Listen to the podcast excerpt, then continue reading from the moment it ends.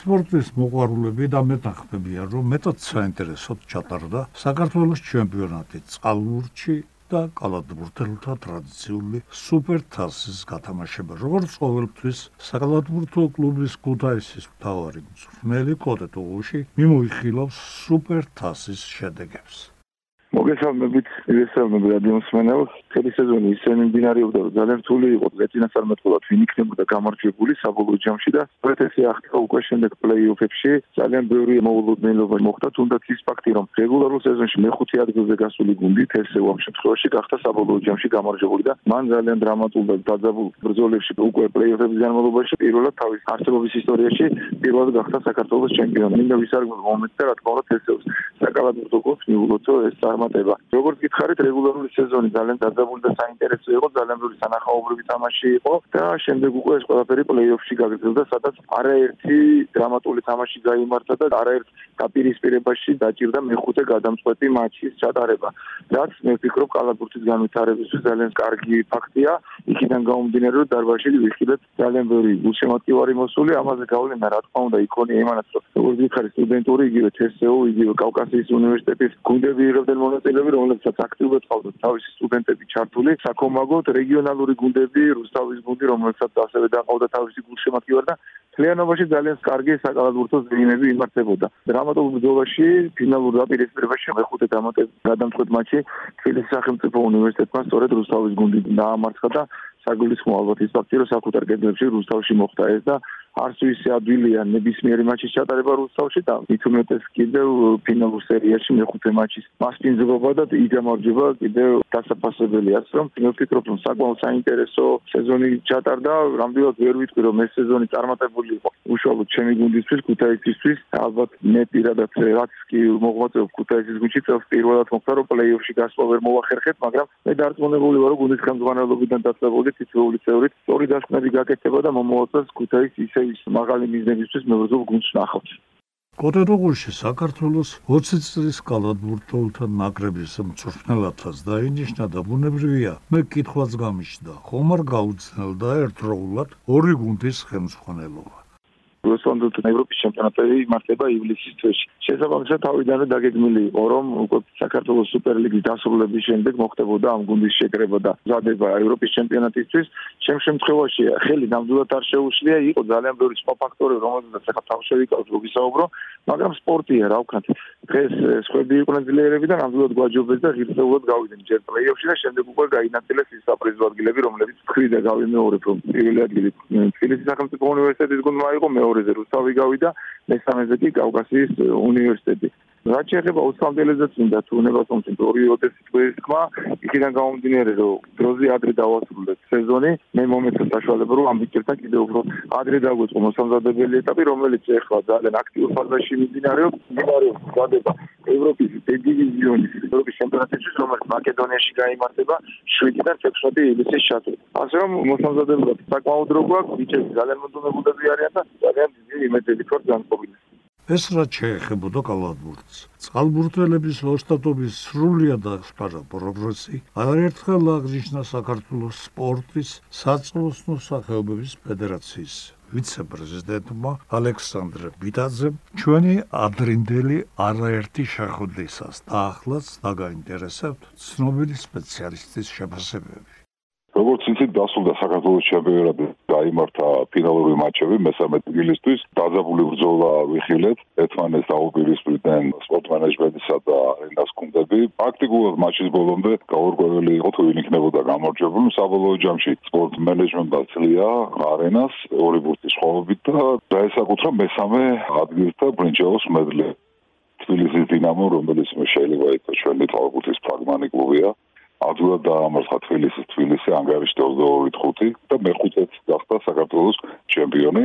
ხოლო რაც შეეხება საქართველოს ეროვნულ ნაკრებს, საქართველოს ეროვნული ნაკრები წვნებს დაიწყებს 12 ივნისიდან დამზაფხულს სკოლის უნივერსიადა ჩინეთში. ნუ საკმაოდ სერიოზული გუნდი გვეყოლება და იმედი გვაქვს სერიოზული წარმატების აწინასაღამი და თქმა მედლებზე საუბარი ნამდვილად არ მიდა. ყოველ შემთხვევაში ობიექტურად გვაქვს იმის შესაძლებლობა, რომ ძალზედ საინტერესო და მაღალი შედეგები ვაჩვენოთ. რაც შეეხება ახალგაზრდულ ნაკრებს, როგორც იცით, ორივე ახალგაზრდული ნაკრები 15 წამდელები და 17 წამდებლებიც მონაწილეობას მიიღებენ ევროპის ჩემპიონატის ფინალურ ეტაპზე და ჯერ 15 წამდელები იასპარეზებენ პოდგორიცაში ივლისში და აგვისტოს დასაწყისში უკვე 17 წამდელები ითამაშებენ თურქეთის ქალაქ მანისაში ევროპის ჩემპიონატის ფინალურ ეტაპზე შემდგომ აგვისტოს ბოლოდან უკვე ყველა ნაკრებში მოთამაშე ყველა ალბურთელი წავა იმ კლუბში ვისთანაც აქცენტი კულება გაფორმებული და დაიწყება უკვე ჩემპიონთა ლიგის შემდეგი სეზონი და მზადება ევროპის ჩემპიონატისთვის რომელიც გამართება ისრაელში იამლის დასაწყისში სადაც ჩვენი გუნდი ფავორიტი თუ არა ევროპის წყალბურთის რეიტინგები საქართველოს გახლავთ ევროპაში მერვე გუნდი. მერვე გუნდია საქართველოს ნაკრები. როგორც იცით, სოფლიოს წყალბურთი არის პრაქტიკულად ევროპის წყალბურთი, თუ კიდე ძლიერი ნაკრები თამაშობს სოფლიოში, ყველა ევროპული გუნდი. აკემატება იაპონია, ავსტრალია და უშუალოდ ავსტრალია ჩვენ ახლა მოგეთ რამოდენიმე თვის იმ სოფლიოთასზე. ну ამერიკა და ავსტრალია წარმოიდგინეთ რა შედეგები აქვს საქართველოს.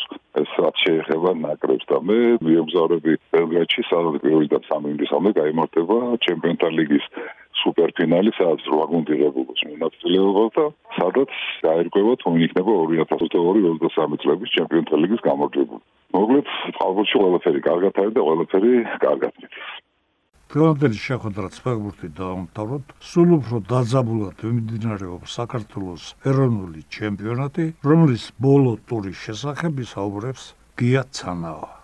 მოგესალმები რადიო მსმენელებს.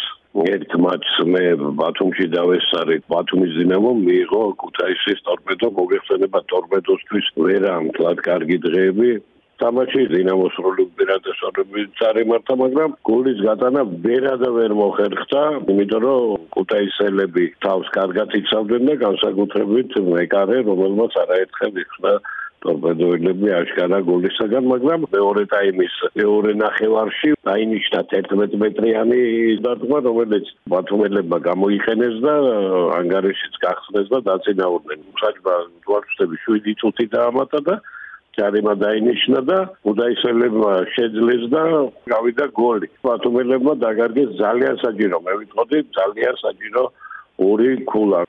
ძალიან კაი თამაში იყო. მე ნაცვეთები ვნახე ამ თამაში.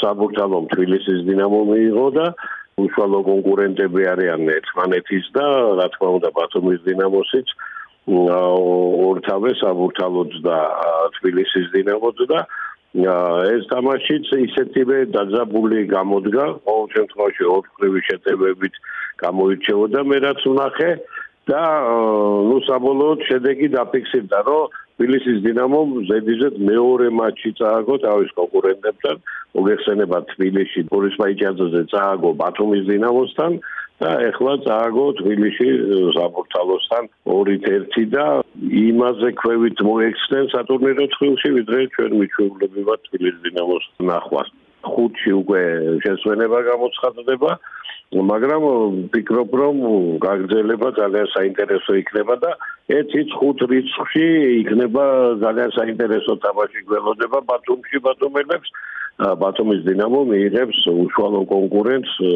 საბურთალოს რომელიც ერთი ქულით ჩამორჩება. დინამოს და მე ვფიქრობ რომ ეს ტურის ცენტრალური მატჩი იქნება და ამ თამაშზე ვისეთ შეიძლება მაკრო სტადიონიც გაივსება და გულშემატკივრიც ბევრი ეყოლება ბათუმელებს. დანარჩენი რაც ხდება ქვედა გულში გახდით ქობულეთის თამაშზე ის ბათუმში გამართ ანგისის ბაზაზე და უნდა გითხრათ რომ სახტად დავრჩი ქობულეთები აგებდნენ ერთი დროს მე სამი თერცი გებდნენ და პირველ და შესვენებაზეც ასევე წავიდნენ და მეორე ტაიმში რა ვიცი გუნდი აბსოლუტურად შეიცვალა და გაგრამ მისმა კონკურენტმა უშუალო კონკურენტმა შეძლო სამი ბურთი გაუტანა და 4-3 მოიგო გაგრა და დამარცხდა შუქურა. ნუ გეუბნებით ისეთი რამეები ხდება რომ საოცრება და ამიტომ ვფიქრობ რომ ეს ძალიან საინტერესო ჩემპიონატი გვექნება.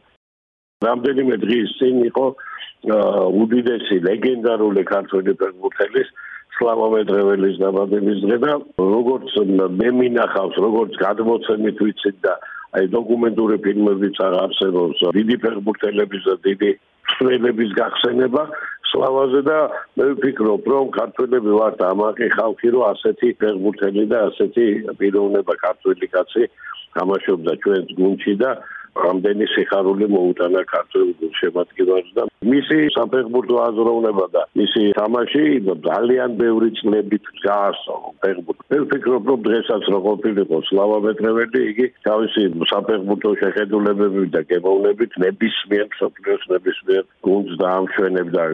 მადლობა, რომ კიდევ ერთხელ მომეცით საშუალება გამომეთქვა ჩემი აზრი და როგორც ყოველთვის წარმატება ქართულ სპორტს, ქართულ ფეხბურთელებს და სულად საქართველოს. დიდი მადლობა, კარგად ბრძანდებოდ.